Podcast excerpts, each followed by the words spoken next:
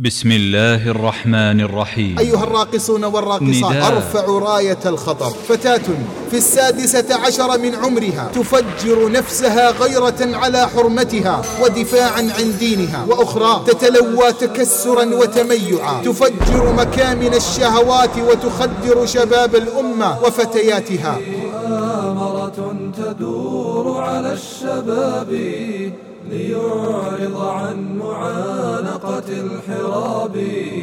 مؤامرة الخط الأحمر. آفة الخلوة والاختلاط. آفة. مرافقة أصدقاء السوء. آفة. آفة الغنى. آفة. جريمة الزنا. آفة. الشذوذ الجنسي. آفة. التقليد الأعمى. آفة. آفة العادة السرية. يا أما شباب تخشون أن يطلب منكم النطق بكلمة لا إله إلا الله عند الاحتضار فتجيبون بكلمات ذلك المغني وتلك المغنية والسعيد من وعظ بغيره والشقي من وعظ بنفسه. خاتمة. قل لا إله إلا الله. خاتمة. وما زلت أكررها وأرددها عليه خاتمة. فتحركت شفتاه خاتمة. ففرحت بذلك. خاتمة. وإذا به يقول سوء الخاتمة. أسمعني شريط فلان وأسمعني أغنية فلان. ثم صرخ صرخة مدوية خرجت على إثرها روحه. فقلت له قل لا إله إلا الله. فقال تذكرة السفر والجواز في درج السيارة وكلمات أخرى غير مترابطة. خاتمة. قل لا إله إلا الله. فقال عندما أقابل الممثلة سأقول لها أعجبني فنه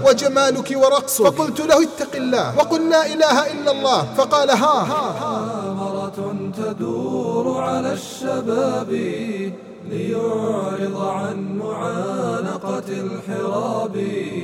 مؤامرة تقول لهم تعالوا. توبة. وفي أحد الأيام فتحت المذياع. لعلي أسلو به قليلا. أردت إغلاقه. فإذا بي أقع على إذاعة القرآن الكريم. فإذا بذلك القارئ شجي الصوت. يأسر القلوب بصوته الجذاب. يتلو قوله سبحانه. ولقد خلقنا الإنسان ونعلم ما توسوس به نفسه. ونحن أقرب إليه من حبل الوريد. إذ يتلقى المتلقيان عن اليمين وعن الشمال قعيد. ما يلفظ من قول إلا لديه رقيب عتيد. وجاءت سكرة الموت بالحق ذلك ما كنت منه تحيد. أخذت أبكي ودموعي تنحدر كأنها هي ينبوع قد تفجر. قصص. صعد إلى سطح كان في البيت فسقط منه قصص. ومات من ساعته على النصرانية. ولم يتمكن من المرأة ولم يظفر بها.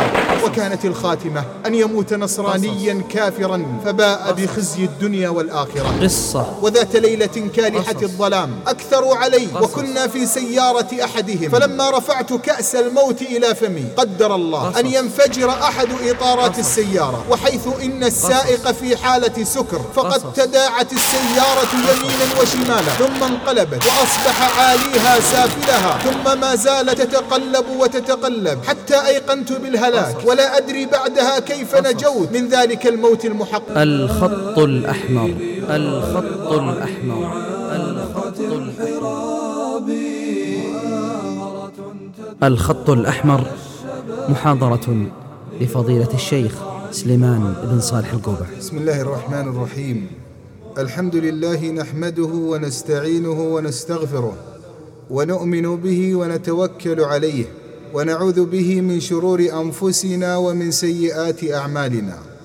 من يهده الله فهو المهتد ومن يضلل فلن تجد له وليا مرشدا. الحمد لله رب العالمين. شرع لنا دينا قويما وهدانا صراطا مستقيما. وأسبغ علينا نعمه ظاهرة وباطنة وهو اللطيف الخبير. اللهم لك الحمد كله ولك الملك كله وبيدك الخير كله وإليك يرجع الأمر كله. أنت رب الطيبين. وأشهد أن لا إله إلا الله وحده لا شريك له ولي الصالحين وخالق الخلق أجمعين ورازقهم. فما من دابة في الأرض إلا على الله رزقها ويعلم مستقرها ومستودعها كل في كتاب مبين. اللهم صل على نبينا محمد وعلى آله وصحبه تسليما كثيرا. أما بعد. عندما أردت أن أتكلم عن هذا الموضوع سألت نفسي لماذا الحديث عن الشباب بالذات؟ فكانت الإجابة لما رأيت تهافت الكثير من الشباب على الحضارة الغربية الجوفاء متمثلة بوسائل الإفساد حتى تمكنت هذه الوسائل وللأسف من تضليل الكثير من الشباب فأصبحوا تائهين في الظلام. وسط الطوفان الرهيب من الشهوات والشبهات. فلا يكاد الإنسان ينظر عن يمينه أو يساره إلا ويجد الإثارة التي تدغدغ الرغبات الجنسية عبر وسائلها التي تصب في بحر الإغراء والتحريض على الفواحش والمنكرات.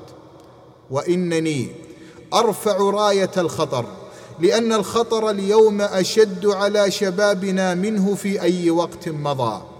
جاء في كتاب أسباب انهيار فرنسا في الحرب العالمية الثانية. إن من أهم أسباب انهيار فرنسا هو تفسخ الشعب الفرنسي نتيجة لانتشار الرذيلة بين أفراده. أحبتي الكرام إن الله سبحانه خلق الإنسان وركب فيه الغرائز والعواطف والتي من أقواها غريزة الشهوة وقد جعلها الله لأهداف سامية. وحقائق عالية تستهدف عمارة الكون وعبادة الخالق. فقد قال الله سبحانه يا أيها الناس اتقوا ربكم الذي خلقكم من نفس واحدة وخلق منها زوجها وبث منهما رجالا كثيرا ونساء. إن الشهوة في الإنسان هي نقطة الضعف التي يتمكن الشيطان من أن يتسلل من خلالها ليخرب الكون ويقلب نظام الحياة راسا على عقب. والله يريد أن يتوب عليكم ويريد الذين يتبعون الشهوات أن تميلوا ميلا عظيما. لقد امتلكت الشهوات نفوس الكثيرين واستولت على عقولهم حتى نسوا ما عند الله من نعيم لا ينفد وقرة عين لا تنقطع. إن الله عز وجل عندما يأمرنا بغض البصر فإنه يحفظ على الإنسان نفسه من الوقوع في مهاوي الردى. ألم تعلم أن من سرح ناظره أتعب خاطره ومن كثرت نظراته ضاعت أوقاته ودامت حسراته وتصور ذلك الشاب الذي كل همه أن يخرج ليتسكع في الطرقات ليلاحق بنظره كل رائحة وغادية. فسيظل ليله ونهاره مسلوب القلب مشتت الفكر شاردا في أحلام اليقظة يمني نفسه بالأمان الباطلة. وفي مثل هذا يقول الشاعر وكنت متى أرسلت طرفك رائدا لقلبك يوما أتعبتك المناظر رأيت الذي لا كله أنت قادر عليه ولا عن بعضه أنت صابر. إن في استطاعة كل شاب أن يمعن النظر في كل امرأة تقابله. أو النظر في وجه كل شاب جميل بل في استطاعة كل شاب أن يسقط في أوحال الجنس بأي أسلوب كان. ولكن هل تعتقد أن السقوط بطولة؟ كلا وإلا لصار كل الساقطين والتافهين من الأبطال. إن من أخطر الآفات التي وقع فيها الشباب هي آفة النظر. لذا قال النبي صلى الله عليه وسلم كما في الحديث القدسي النظرة سهم مسموم من سهام إبليس. وقال النبي صلى الله عليه وسلم لعلي رضي الله عنه يا علي لا تتبع النظرة النظرة فإن لك الأولى وليست لك الثانية. أخي الكريم اما علمت أن نظرة ربما أودت بصاحبها إلى مهاوي الردى؟ بل لا أبالغ إن قلت لربما نظرة أخرجت صاحبها من دينه وهو لا يشعر. وإليكم هذه الحادثة التي خر صاحبها تحت وطأة الشهوة صريعا فأعقبته حسرات إلى الأبد. شاب صالح عاش طيلة عمره ملازما للمسجد يؤذن فيه فكان عليه بهاء الطاعة ونور العبادة. ورقى يوما المنارة على عادته للأذان وكان تحت المنارة بيت لنصراني فاطلع المؤذن في دار ذلك النصراني فراى ابنة صاحب الدار في أحسن هيئة فافتتن بها. إنه الطريق الموصل في نهايته إلى الفساد. وصدق من قال ليس الشجاع الذي يحمي مطيته يوم النزال ونار الحرب تشتعل لكن فتى غض طرفا أو ثنى بصرا عن الحرام فذاك الفارس البطل. ترك الأذان ونزل إليها وطرق الباب. فلما فتحت الباب قام فدخل عليها البيت فقبلها فقالت كيف تتصرف هذا التصرف؟ وماذا تريد؟ قال أريدك إنها الشهوة التي تستعبد الضعفاء فيخرون تحت وطأتها صرعى نتيجة انفلات غرائزهم. قالت لا أستطيع أن أجيبك إلى ريبة. قال لها أتزوجك؟ قالت أنت مسلم وأنا نصرانية وأبي لا يزوجني منك. قال أتنصر. أسمعت؟ قال أتنصر. قالت إنك تزعم ذلك لتظفر بما تريد. فقال ويا للأسف إني بريء من الإسلام ومحمد. قالت إذا فاشرب من هذا الخمر لأعلم صدق ما تقول. فشرب الخمر ودخل إلى البيت وهو في حال سكره. صعد إلى سطح كان في البيت فسقط منه ومات من ساعته على النصرانية ولم يتمكن من المرأة ولم يظفر بها. وضاع دينه لنظرة واحدة إلى الحرام وهو الذي عاش في الإسلام معظم عمره. وكانت الخاتمة أن يموت نصرانيا كافرا فباء بخزي الدنيا والآخرة. قال صلى الله عليه وسلم ثلاثة لا ترى أعينهم النار. عين حرست في سبيل الله وعين بكت من خشية الله وعين كفت عن محارم الله. فهل أنت أخي الشاب من هؤلاء؟ وهل أنت ممن جاهد نفسه وحارب هواه لتكون ممن قال الله فيه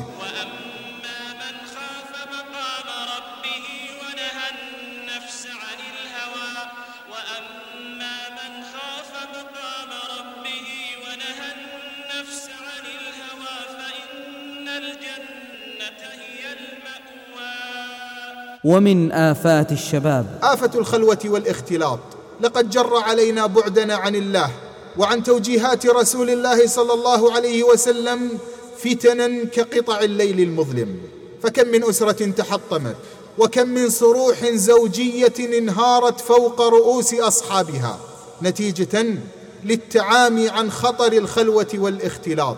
بل إن قرابة الإنسان فتنة إذا لم تراعى فيها الحرمات. ألم تسمع؟ إلى إجابة النبي صلى الله عليه وسلم عندما سأله الصحابة عن أقارب الزوج أو الزوجة من الرجال يدخلون على زوجة الرجل في غيبته. وعادة الناس في هذا الزمن التساهل في مثل هذه الأمور ولكن الذي لا ينطق عن الهوى يجيبهم إجابة بليغة قاطعة لتكون درسا للأولين والآخرين. فيقول إياكم والدخول على النساء. فقال رجل من الأنصار أرأيت الحمو؟ قال الحمو الموت. الحمو الموت. أسمعت الإجابة؟ الموت. فدخول أحد الأقارب من غير المحارم على الزوجة دون وجود ما يمنع الخلوة يساوي الموت. لماذا؟ لأن دخوله وخروجه لا يثير الشبهات فربما كان دخوله سببا في الوقوع في الحرام. إن العلاقة المحرمة والتي تنشأ بين الشاب والفتاة لا تتصور أنها تتم من أول وهلة بل يسبقها مقدمات وإعداد واستعداد نظرة من هنا فابتسامة من هناك فسلام فكلام فموعد فلقاء ففضيحة ذات أجراس. أيها الآباء والأمهات هل رأيتم إنسانا يغرق في البحر ثم لا يبتل؟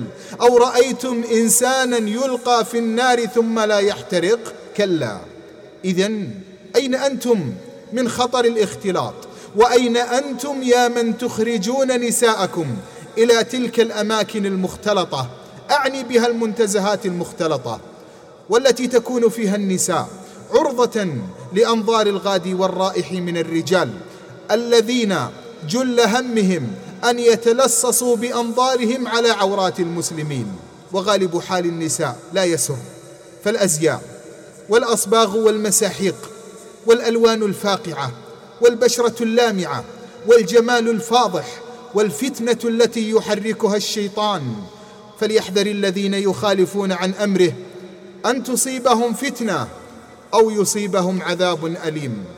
أما آن لنا أن نبحث عما يخفف إن لم نقل عما يزيل هذه المصائب التي تعود بالعار من تلك المتنزهات.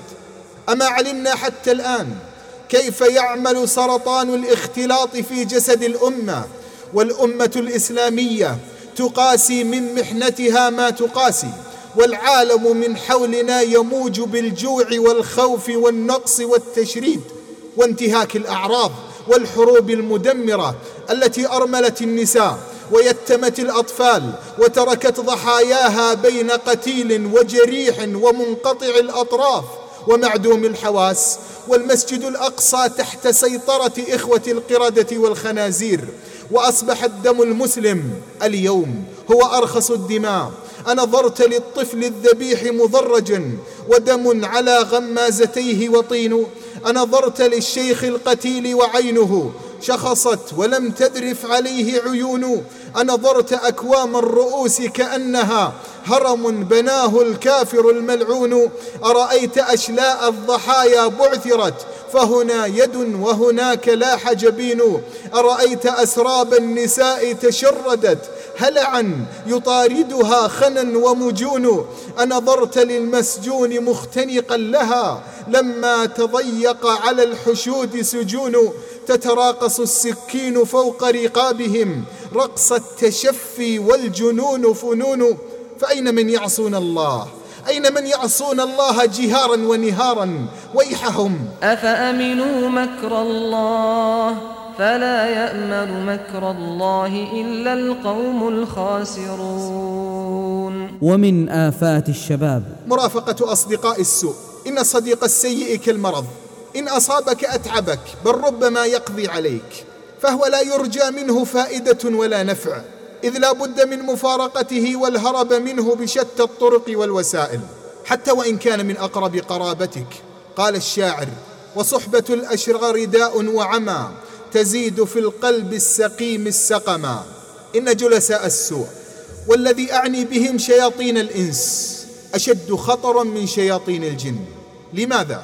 لأن شياطين الجن يمكن التغلب عليهم بالتحصن بالذكر والاستعاذة بالله منهم. أما شياطين الإنس فلن تستطيع الانفكاك منهم إلا بتركهم والابتعاد عنهم. وكذلك جعلنا لكل نبي عدوا شياطين الإنس والجن يوحي بعضهم إلى بعض. زخرف القول غرورا. أخي الكريم ألم تعلم أنه حال وقوع المشكلة والمصيبة؟ فإن صديقك الحميم هو من أسرع الناس هروبا لأنه يريد النجاة بنفسه ولو هلك الجميع. كم من شاب قد انحرف وكم من فتاة قد ضلت بسبب أصدقائهم. إننا في هذا الوقت بحاجة إلى النظر إلى حقيقة أصدقائنا. قبل أن نندم ولا تساعة مندم وتكون حالنا كحال من قال الله عنه. ويوم يعض الظالم على يديه. يقول يا ليتني اتخذت مع الرسول سبيلا. يا ويلتى ليتني لم أتخذ فلانا خليلا. لقد أضلني عن الذكر بعد إذ جاءني. وكان الشيطان للإنسان خذولا. ولكم في قصة هذا الشاب الذي ولد ميلادا جديدا عبرة وعظة. شاب قابل زميلا قديما له دون موعد سابق فسلم عليه وعرفه بنفسه ولكنه لم يعرف فقد تغير تماما. فهذه لحية تزين وجهه وها هو بثوب لا يجاوز كعبيه حتى فمه. ذهبت منه تلك الروائح الكريهة وقد أشرق وجهه بعد أن كان كالح الظلمة. وما عهدته إلا مسرفا على نفسه بالمعاصي والآثام. فسبحان مقلب القلوب. ولما لاحظ شرودي وحيرتي بادرني بقوله لعلك تتساءل عن سبب هذا التغير. فقلت نعم فأردف قائلا كنت في أول حياتي انسانا عاديا. تعرفت على مجموعة زملاء لي في المدرسة ومع توثق العلاقة وكثرة المرافقة لهم تطبعت ببعض صفاتهم السيئة. فصرنا نسهر جل الليل أو كله. وإذا بنا قد بدأنا نشرب الدخان.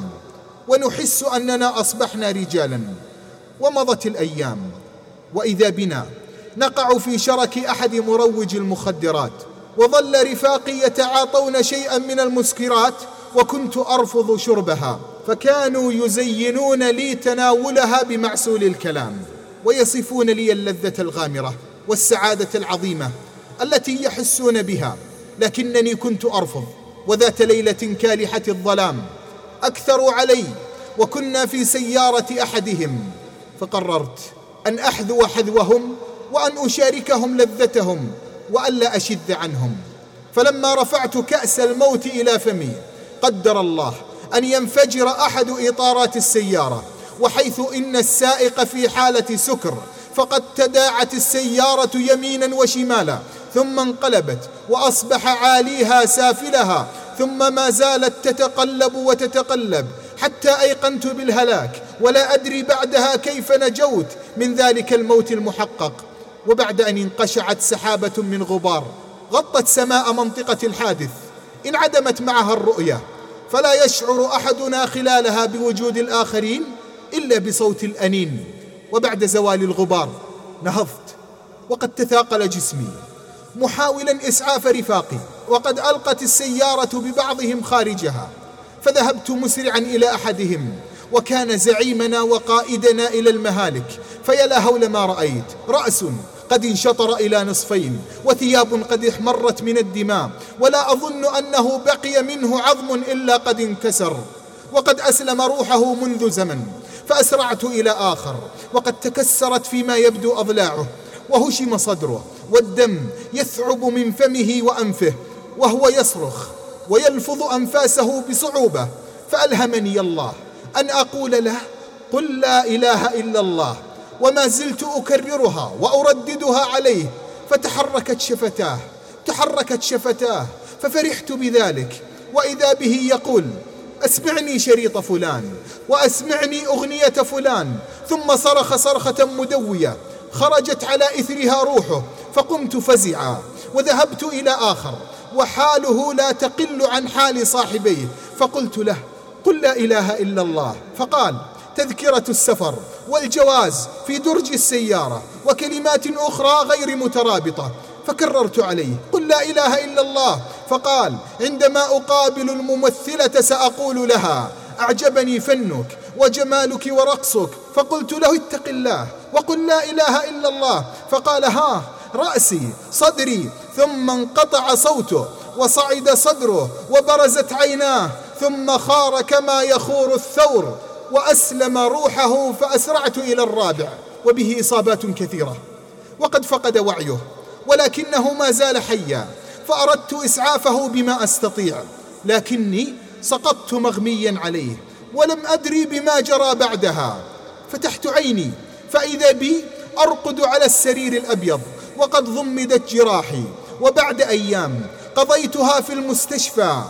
كبلت بالسلاسل وسحبت من تحقيق إلى تحقيق. أخرج من سجن وأدخل آخر وأنا شارد الذهن. أفكر في تلك المشاهد لحظة بلحظة أستعيد شريط أيام استوداء مع أصدقائي وبعد أيام عجاف من التحقيق الطويل أخرجت من السجن فخرجت من ضيق السجن إلى دنيا أضيق وأحرج حتى كرهت العيش وتمنيت لو بقيت في السجن وفكرت في الانتحار مرارا.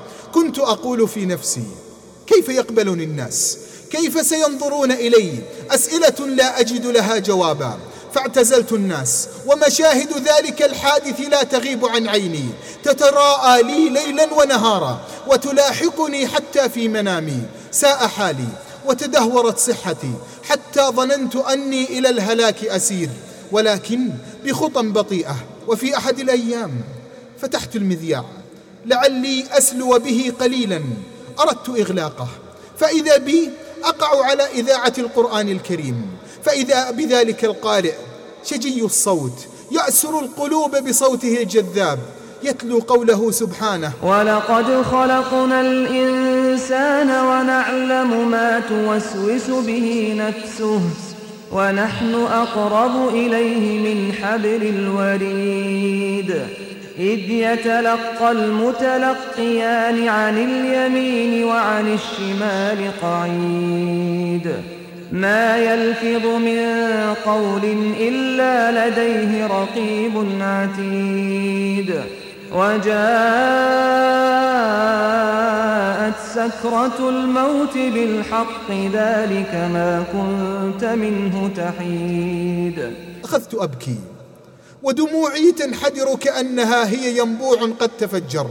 فقلت لئن ضاقت بي الدنيا فرحمة الله أوسع لي عندها. أعلنت توبتي وتضرعت إلى الله أن يقبل توبتي ويغفر لي الزلة. تلك هي قصتي وأحمد الله على التوبة. أحبتي الكرام ينبغي لمن وقع في المعصية ألا ييأس من روح الله مهما عظم ذنبه. فالله سبحانه يبسط يده بالليل ليتوب مسيء النهار ويبسط يده بالنهار ليتوب مسيء الليل حتى تطلع الشمس من مغربها. قال الله قل يا عبادي الذين أسرفوا على أنفسهم لا تقنطوا من رحمة الله. إن الله يغفر الذنوب جميعا. إنه هو الغفور الرحيم. وإني أقول لمجتمعنا بأنه لا ينبغي أن ننظر إلى الشاب الذي زلت به القدم فأودع السجن. ثم من الله عليه بالهداية والتوبة أن ننظر إليه بأنه شاب فاسد لا خير فيه ولا أمل ولا رجاء. بل ينبغي أن نغفر الزله وأن ننظر له نظرة عطف وشفقة وحنان. فمن الذي لا يخطئ ومن الذي لا يقع في المعصية؟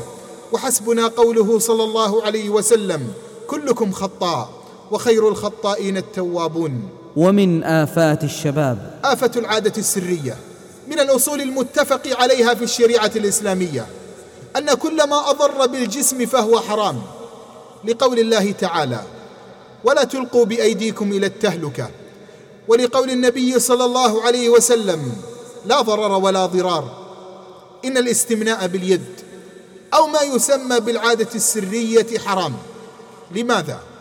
لأن الله سبحانه أمر بحفظ الفروج في قوله تعالى قد أفلح المؤمنون الذين هم في صلاتهم خاشعون والذين هم عن اللغو معرضون والذين هم للزكاة فاعلون والذين هم لفروجهم حافظون إلا على أزواجهم أو ما ملكت أيمانهم فإنهم غير ملومين فمن ابتغى وراء ذلك فأولئك هم العادون. إن حفظ الفرج واجب باستثناء ما أحل الله للإنسان من الزوجة أو ما ملكت اليمين ومن طلب الشهوة في غير ما ذكر الله فهو المعتدي على الحدود التي حدها الله. قال صلى الله عليه وسلم يا معشر الشباب من استطاع منكم الباءة فليتزوج فإنه أغض للبصر وأحصن للفرج ومن لم يستطع فعليه بالصوم فإنه له وجاء. في هذا الحديث وصف النبي صلى الله عليه وسلم العلاج الذي لا بديل له في تصريف الطاقة الجنسية. فحث الشباب أولا على الزواج إن قدروا عليه أما من لم يستطع الزواج فقد وجهه لعلاج حاسم آخر فعليه بالصوم فإنه له وجاء. إن من مساوئ هذه العادة أنها تلهب خيال الشاب وذلك لأنه يتخيل أوضاعا مثيرة تؤدي إلى إرهاق جهازه العصبي والذي سيؤثر على مستقبله في معاشرة زوجته. وقد ثبت في أبحاث الأطباء أن الإدمان على هذه الآفة يؤدي بالفعل إلى الإعياء النفسي ويرهق الجهاز العصبي ويضعف الغدد التناسلية فضلا على أنه لا يحقق الإشباع الجنسي الطبيعي. يقول الدكتور ليسكو في كتابه مقبرة الرجال. من القواعد العامة أننا إذا دققنا النظر في الشبان المستسلمين للعوائد السرية وفحصناهم من جهة الدماغ وجدناهم محدودي الفهم منحطين عن متوسط درجة رفقائهم ولاحظنا أنهم عاجزون عن بلوغ مركز في الهيئة الاجتماعية. انتهى كلامه.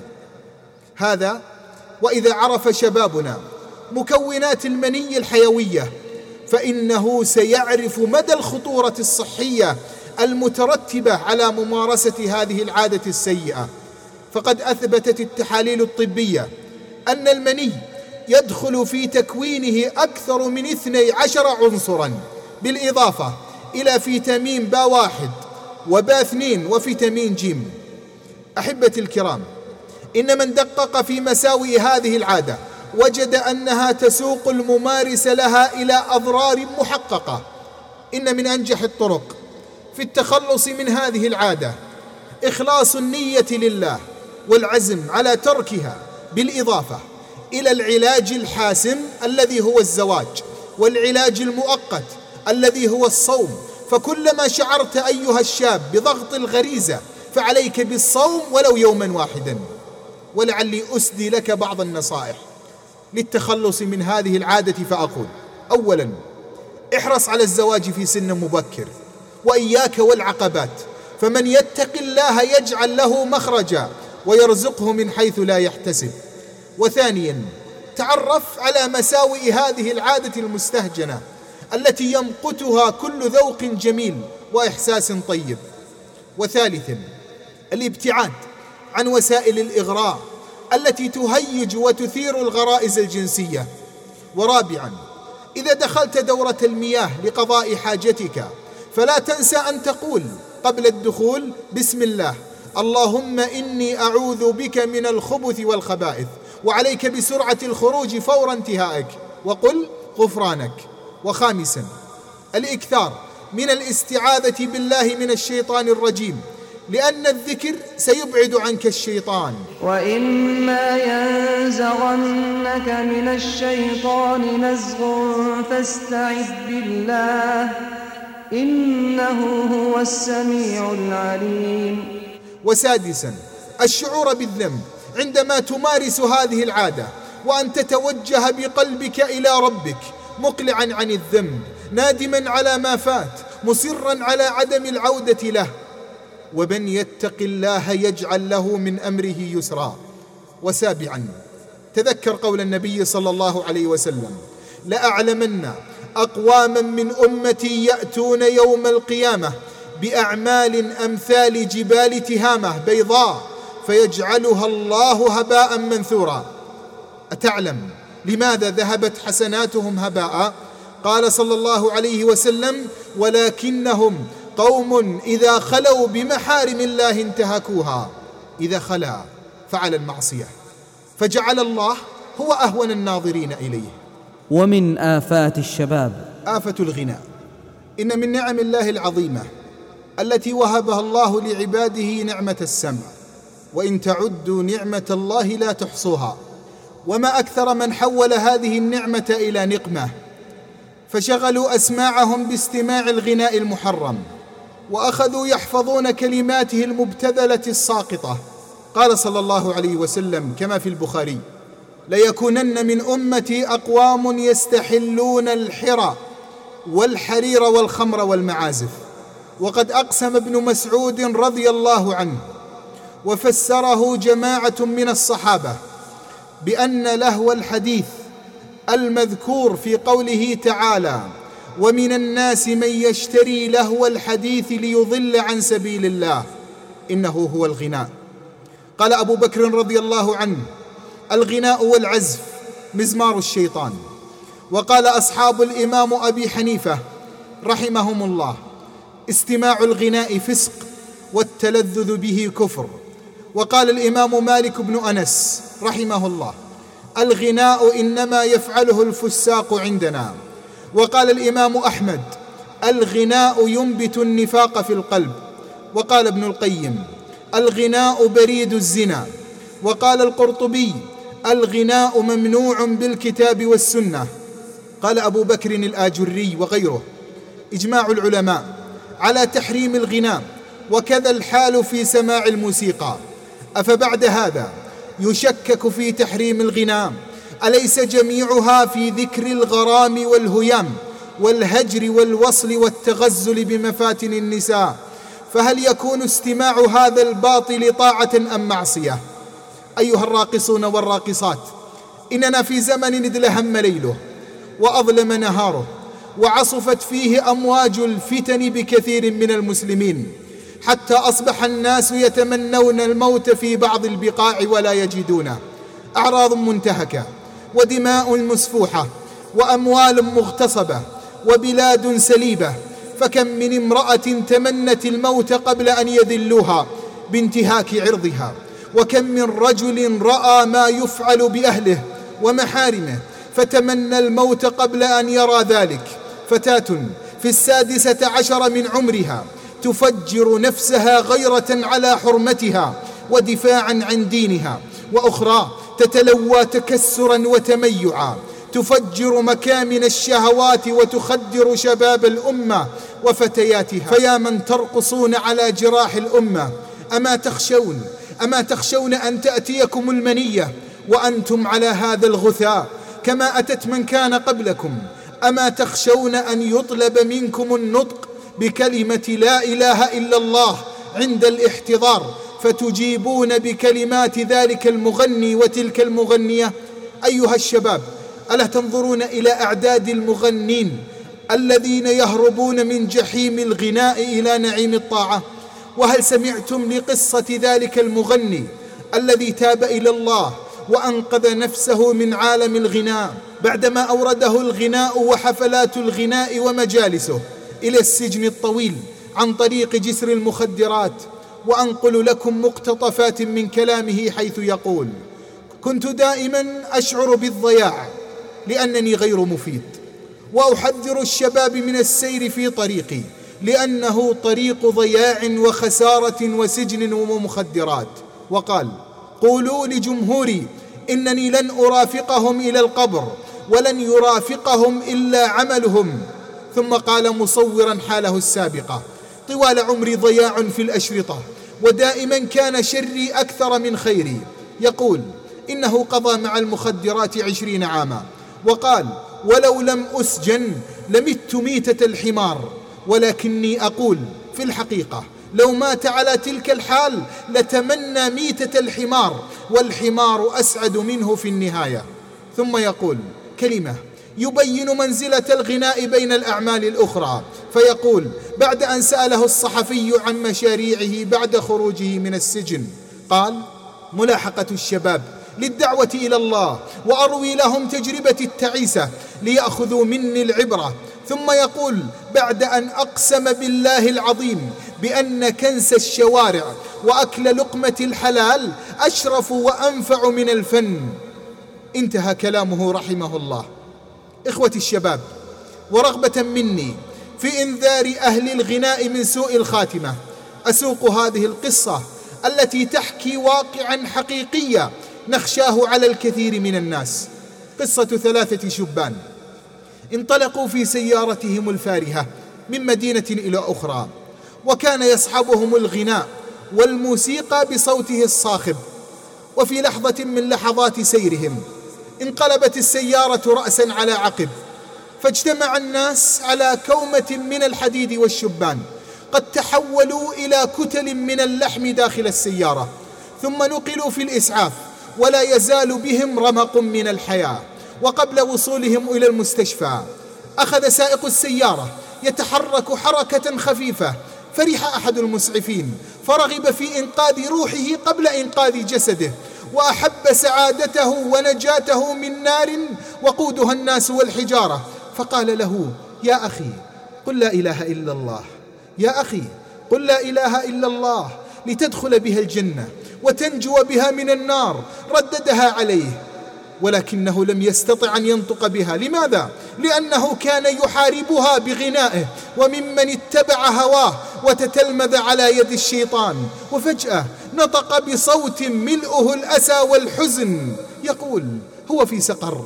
هو في سقر أي هو في النار النار التي تأكل اللحوم والعروق والعصب والجلود ثم تبدل أجسادهم فلا يموتون ويتمنون أن يهلكهم الله. يومئذ يود الذين كفروا وعصوا الرسول لو تسوى بهم الأرض فأي أمنية؟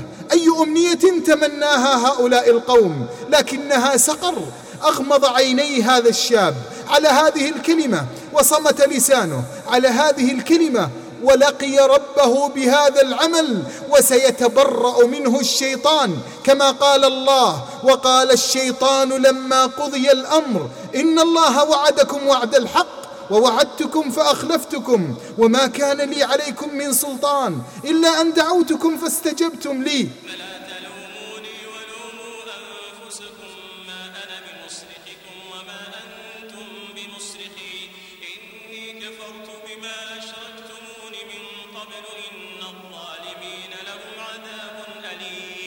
لقد أقفلت صحيفة هذا الشاب على هذا الغناء وسوف يتمنى لو أنه قضى حياته مع القرآن حتى إذا جاء أحدهم الموت قال رب ارجعون لعلي أعمل صالحا فيما تركت كلا إنها كلمة هو قائلها ومن ورائهم برزخ إلى يوم يبعثون. ومن آفات الشباب. الإنهزامية وأقصد بها التقليد الأعمى.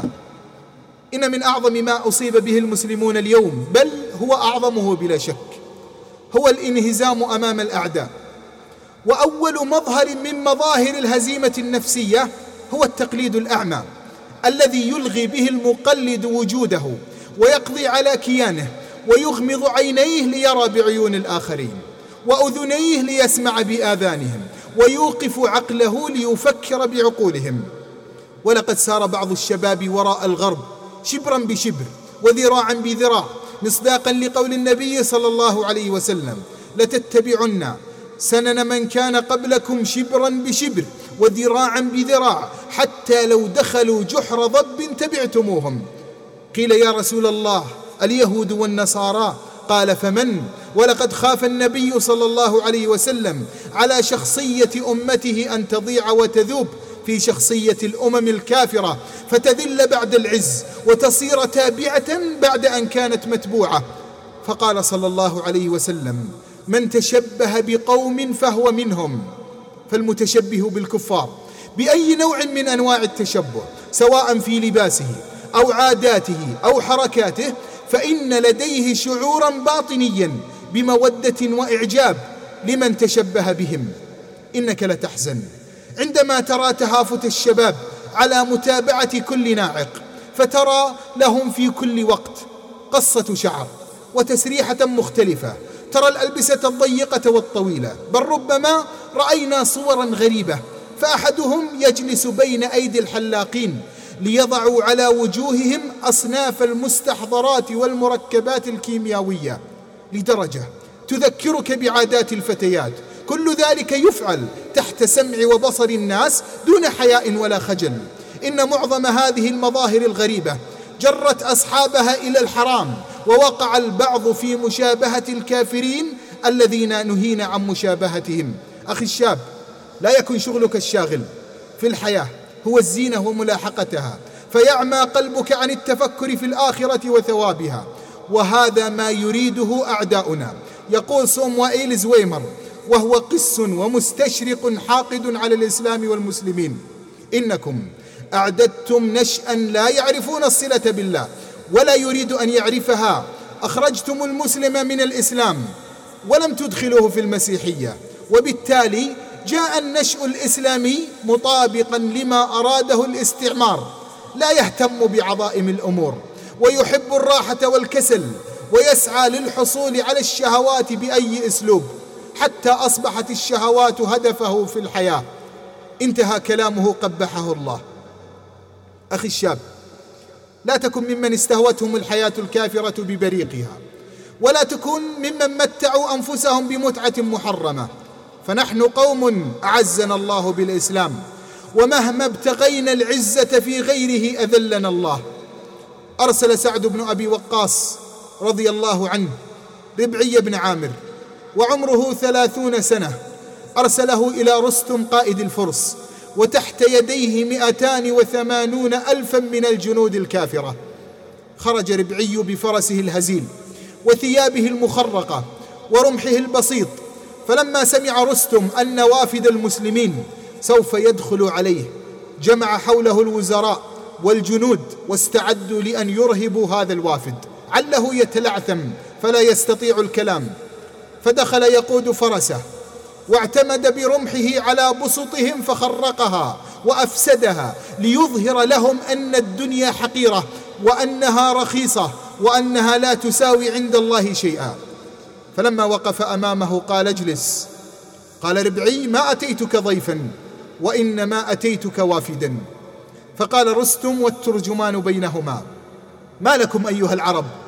ما علمنا وأقسم بآلهته قوما أذل ولا أقل منكم للرومان حضارة ولفارس حضارة ولليونان حضارة وللهنود حضارة. أما أنتم فأهل جعلان تطاردون الأغنام والإبل في الصحراء فما الذي أتى بكم؟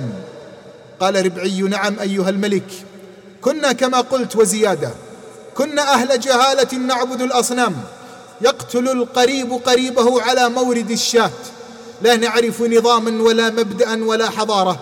ثم رفع صوته قائلا ولكن الله ابتعثنا لنخرج العباد من عبادة العباد إلى عبادة رب العباد ومن ضيق الدنيا إلى سعة الآخرة ومن جور الأديان إلى عدل الإسلام. وبعدها التقى الجمعان وبرزت الفئتان وفي ثلاثة أيام تسحق كتائب الضلالة وتداس الجماجم التي ما عرفت لا إله إلا الله. ويدخل سعد في اليوم الرابع. إيوان كسرى فيراه مموها بالذهب ويرى الياقوت والمرجان والزبرجد فيبكي سعد ويقول كم تركوا من جنات وعيون وزروع ومقام كريم ونعمة كانوا فيها فاكهين كذلك وأورثناها قوما آخرين. فما بكت عليهم السماء والأرض وما كانوا منظرين. وصدق من قال أولئك آبائي فجئني بمثلهم إذا جمعتنا يا جرير المجامع. أيها الشاب أولئك هم قدواتنا وحسبنا قول الله أولئك الذين هدى الله فبهداه مقتده ومن آفات الشباب. الشذوذ الجنسي. إن جريمة اللواط جريمة منكرة. وفعلة قبيحة يمجها الذوق السليم وتأباها الفطرة السليمة وتمقتها الشرائع السماوية. وذلك لما لها من عظيم الأضرار وجسيم الأخطار. ولقد عاقب الله قوم لوط على هذه الجريمة عقابا مروعا إذ أمر جبريل برفع قراهم إلى السماء فجعل عاليها سافلها وأمطر عليهم حجارة من صنع جهنم. كل حجر مكتوب عليه اسم صاحبه. يقول الله وأمطرنا عليهم حجارة من سجيل منضود. مسومة عند ربك وما هي من الظالمين ببعيد. وهكذا طوى الله صفحة من صفحات المفسدين في الأرض. لعلها تكون عظة وعبرة للمعتبرين. وتركنا فيها آية للذين يخافون العذاب الأليم. إن هذا الشذوذ جريمة تكاد الأرض تميد من جوانبها إذا عملت عليها. وتهرب الملائكة من أقطار السماوات والأرض إذا شاهدوها خشية نزول العذاب على أهلها فتصيبهم معهم. وتعج الأرض إلى ربها تبارك وتعالى. تكاد الجبال تزول من أماكنها. ألم تعلم أن حد اللوطي هو القتل؟ كما دلت السنة الصحيحة بذلك قال النبي صلى الله عليه وسلم من وجدتموه يعمل عمل قوم لوط فاقتلوا الفاعل والمفعول به. وقال صلى الله عليه وسلم في حكم هذا الشذوذ وفي هذه الجريمة المنكرة لعن الله من عمل عمل قوم لوط لعن الله من عمل عمل قوم لوط لعن الله من عمل عمل قوم لوط. وثبت عن خالد بن الوليد أنه وجد في بعض نواحي العرب رجلا ينكح كما تنكح المرأة. فكتب إلى أبي بكر الصديق رضي الله عنه فاستشار أبو بكر الصحابة رضي الله عنهم. فكان علي بن أبي طالب أشدهم قولا فيه قال أرى أن يحرق بالنار. فكتب أبو بكر إلى خالد فحرقه. ألم تسمع إلى قول عبد الله بن عباس رضي الله عنه ينظر أعلى بناء في القرية فيرمى اللوطي منه منكسا ثم يتبع بالحجارة. قال الفضيل بن عياض لو أن لوطيا اغتسل بكل قطرة من السماء لقي الله غير طاهر. فتأمل هذه العقوبات بعد تلك اللذائذ. فأين هي اللذة؟ ذهبت وأعقبتها حسرة وانقضت الشهوة وأورثت الشقوة متعة قليلة وعذاب طويل. مآرب كانت في الحياة لأهلها عذابا فصارت في الممات عذابا. فليحذر العاقل عقوبة الله أن تحل بساحته ويهجم عليه الموت بكرة أو عشيا فما موقفه يوم العرض الأكبر على الله؟ يوم تبلى السرائر لا تخفى منهم خافية. إنك لو رأيتهم وهم يعذبون في النار لرأيت عجبا. نار تخرج من منافذ وجوههم وأبدانهم وهم بين أطباق الجحيم يشربون بدل لذيذ الشراب كؤوس الحميم. ويقال لهم وهم على وجوههم يسحبون. اصلوها فاصبروا أو لا تصبروا سواء عليكم. إنما تجزون ما كنتم تعملون. ألم تعلم يا من وقعت في الحرام؟ ألم تعلم يا من وقعت في هذه الأوحال؟ أن الجزاء من جنس العمل. ففكر في حال ومآل أبنائك. إن قدر لك أبناء. وماذا يكون شعورك لو علمت أن أحد أبنائك وقع في هذه الجريمة؟ هل ستتعامى وتغمض عينيك؟ أم أنك ستثور وتغضب؟ فاستحي من الله واستشعر أن الله مطلع عليك. وإذا خلوت بريبة في ظلمة والنفس داعية إلى الطغيان فاستحي من نظر الإله وقل لها إن الذي خلق الظلام يراني. ومن آفات الشباب. جريمة الزنا. إن الله سبحانه حذر من هذا المرض الخبيث. بل حذر سبحانه من مقدماته فقال ولا تقربوا الزنا إنه كان فاحشة وساء سبيلا. ولقد وضع الإسلام عقوبة رادعة تبلغ حد القتل رميا بالحجارة على أعين الناس. كل ذلك حفاظا على الأعراض من هذه الجريمة البشعة التي قرنها الله بالقتل في قوله. والذين لا يدعون مع الله إلها آخر ولا يقتلون النفس التي حرم الله إلا بالحق ولا يزنون. وكيف لا يكون الزاني قاتلا؟ وقد انتهك عرضا واستحل حرمه. ولو تأملت بعين العقل طفلة ضائعة شريدة جاءت ثمرة مرة لشهوة لحظة. هذه الطفلة التي قذف بها إلى الحياة لتعاني شقاء الأبد. ماذا جنت؟ وأي جريمة اقترفت لتنظر إلى الأطفال فتجد لكل طفل أما تحنو عليه وأبا يسارع في هواه وهي لا تجد في المجتمع إلا كل احتقار وازدراء. وستنشأ في جو نفسي مليء بالعقد والضغوط النفسية. أيها الشاب لا تسلك هذا الطريق الوعر الحافل بالمخاطر والأشواك. وما هو شعورك لو علمت أن أختك على علاقة بشاب آخر؟ هل سترضى بذلك؟ إن الجواب سيكون بالنفي لا محالة. اذا لا تحل لنفسك ما تحرمه على غيرك. ويا أيتها الفتاة اعلمي أن المرأة أشد افتقارا إلى الشرف منها إلى الحياة. قال النبي صلى الله عليه وسلم من زنى خرج منه الإيمان فإن تاب تاب الله عليه. إن عقوبة الزاني في الآخرة عقوبة عظيمة إن لم يتب. فقد خرج البخاري في صحيحه من حديث رؤيا النبي صلى الله عليه وسلم قال فانطلقنا فأتينا على مثل التنور وإذا فيه لغط وأصوات. قال فاطلعنا فيه فإذا فيه رجال ونساء عراه. وإذا هم يأتيهم لهب من أسفل منهم فإذا أتاهم ذلك اللهب ضوضوا أي صاحوا. ولما سأل عنهم أخبر أنهم الزناة والزواني أعاذنا الله من ذلك.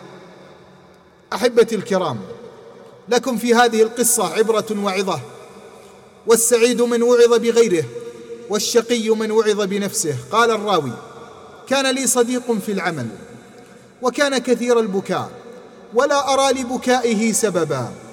تكررت هذه الحالة مرارا ولم أستطع أن أسأله عن ذلك. خشية أن أثير أحزانه أكثر مما هي عليه. ومرت الأيام. وما زال يزداد ألما وحزنا. فتحينت إحدى الفرص وقلت له يا أخي أراك تكثر البكاء. فما الذي يبكيك؟ أشفقت عليك. قال لي إنها قصة دامية محزنة. يتقطع لها القلب ويندى لها الجبين. فقلت له أخبرني لعلي أن أساهم في التخفيف من معاناتك. فقال لي على استحياء شديد كان لي صاحب سيء سحبني إلى الشر معه. همه هو العلاقات المحرمة ومطاردة الفتيات وكان له صديقة يواعدها ويخرج بها ويقضي معها بعض الوقت ثم يعيدها إلى أهلها. وكان يخرج بها في وقت دراستها حتى لا ينكشف أمرهما. وفي يوم من الأيام خرجت معه إلى مكان لا يلفت النظر فمضت مع ذلك اللص البشري من لصوص العفة. كنت على موعد معه أنتظره لأشاركهما في جريمتهما. وشاء الله أنه لم يحضر الي وكنت أنتظره بفارغ الصبر. ذهب بها. في سيارته إلى إحدى العمارات ودخل بها إلى قبو تلك العمارة التي لم يكتمل بناؤها. دخل بسيارته في ذلك المكان وما علم أن الله يعلم خائنة الأعين وما تخفي الصدور فيغضوا أبصارهم حياء من الله. دخل بها هذا المكان ولم يغلق محرك السيارة. ثم فعل جريمته وهتك عرضها وويل للفضيلة من الرذيلة. وبعد مضي زمن من الوقت انتشر غاز السيارة داخل المكان فاختنقا ولم يستطع كل منهما الخروج. أما الفتاة فأغمي عليها وماتت في مكانها وعلى حالتها البشعة عياذا بالله.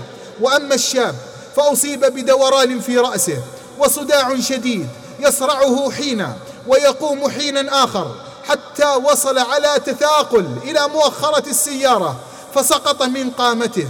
ثم أغمي عليه شاع الخبر بين الناس وحضر رجال الأمن فوجدوهما قد فارق الحياة على غضب الله وسخطه. عياذا بالله من ذلك. وبعد هذه الكارثة عشت في تفكير عميق أذهلني عن كل شيء وأحزنني عن كل فرح. فأقول أقول للغافلين أمثالي أين نحن من قول الله سبحانه؟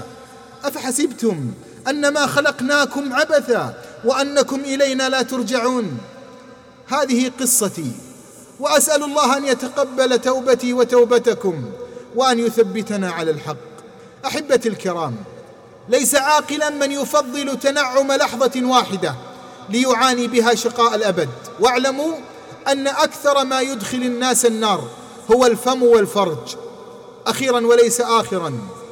كانت هذه جملة من الآفات التي تهدم في المسلم دينه وقوته وتجعله معولا من معاول الهدم في الأمة المثخنة قواها بالجراح.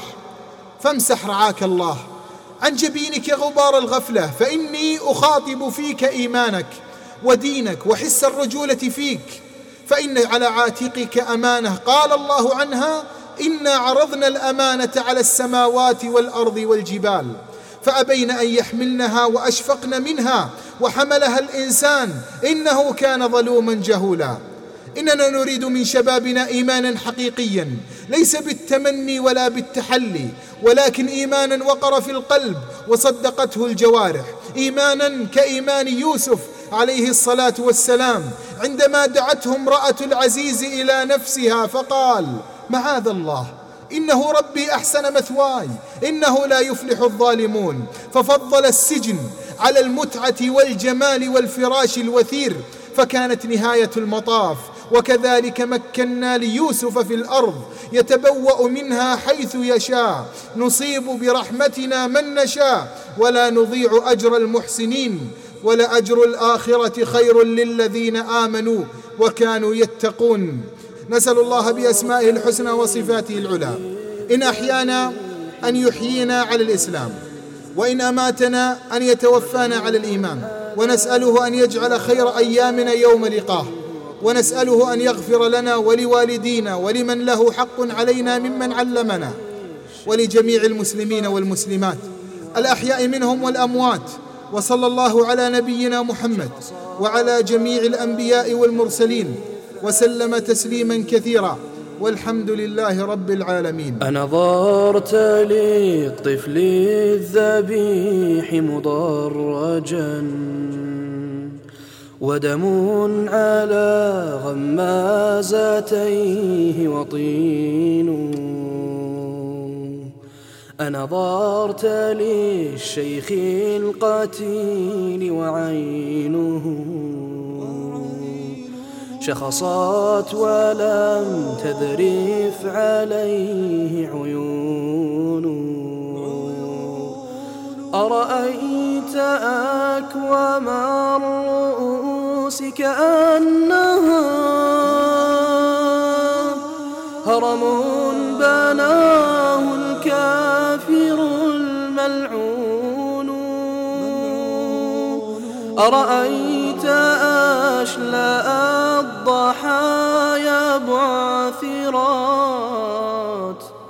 فهنا يد وهناك لاح جبين أرأيت أسراب النساء تشردت؟ هلعا يطاردها خلا ومجون أنظرت للمسجون مختنق لها. لما تضيق على الحشود سجون. تتراقص السكين فوق رقابهم. رقص التشافي والجنون فنون.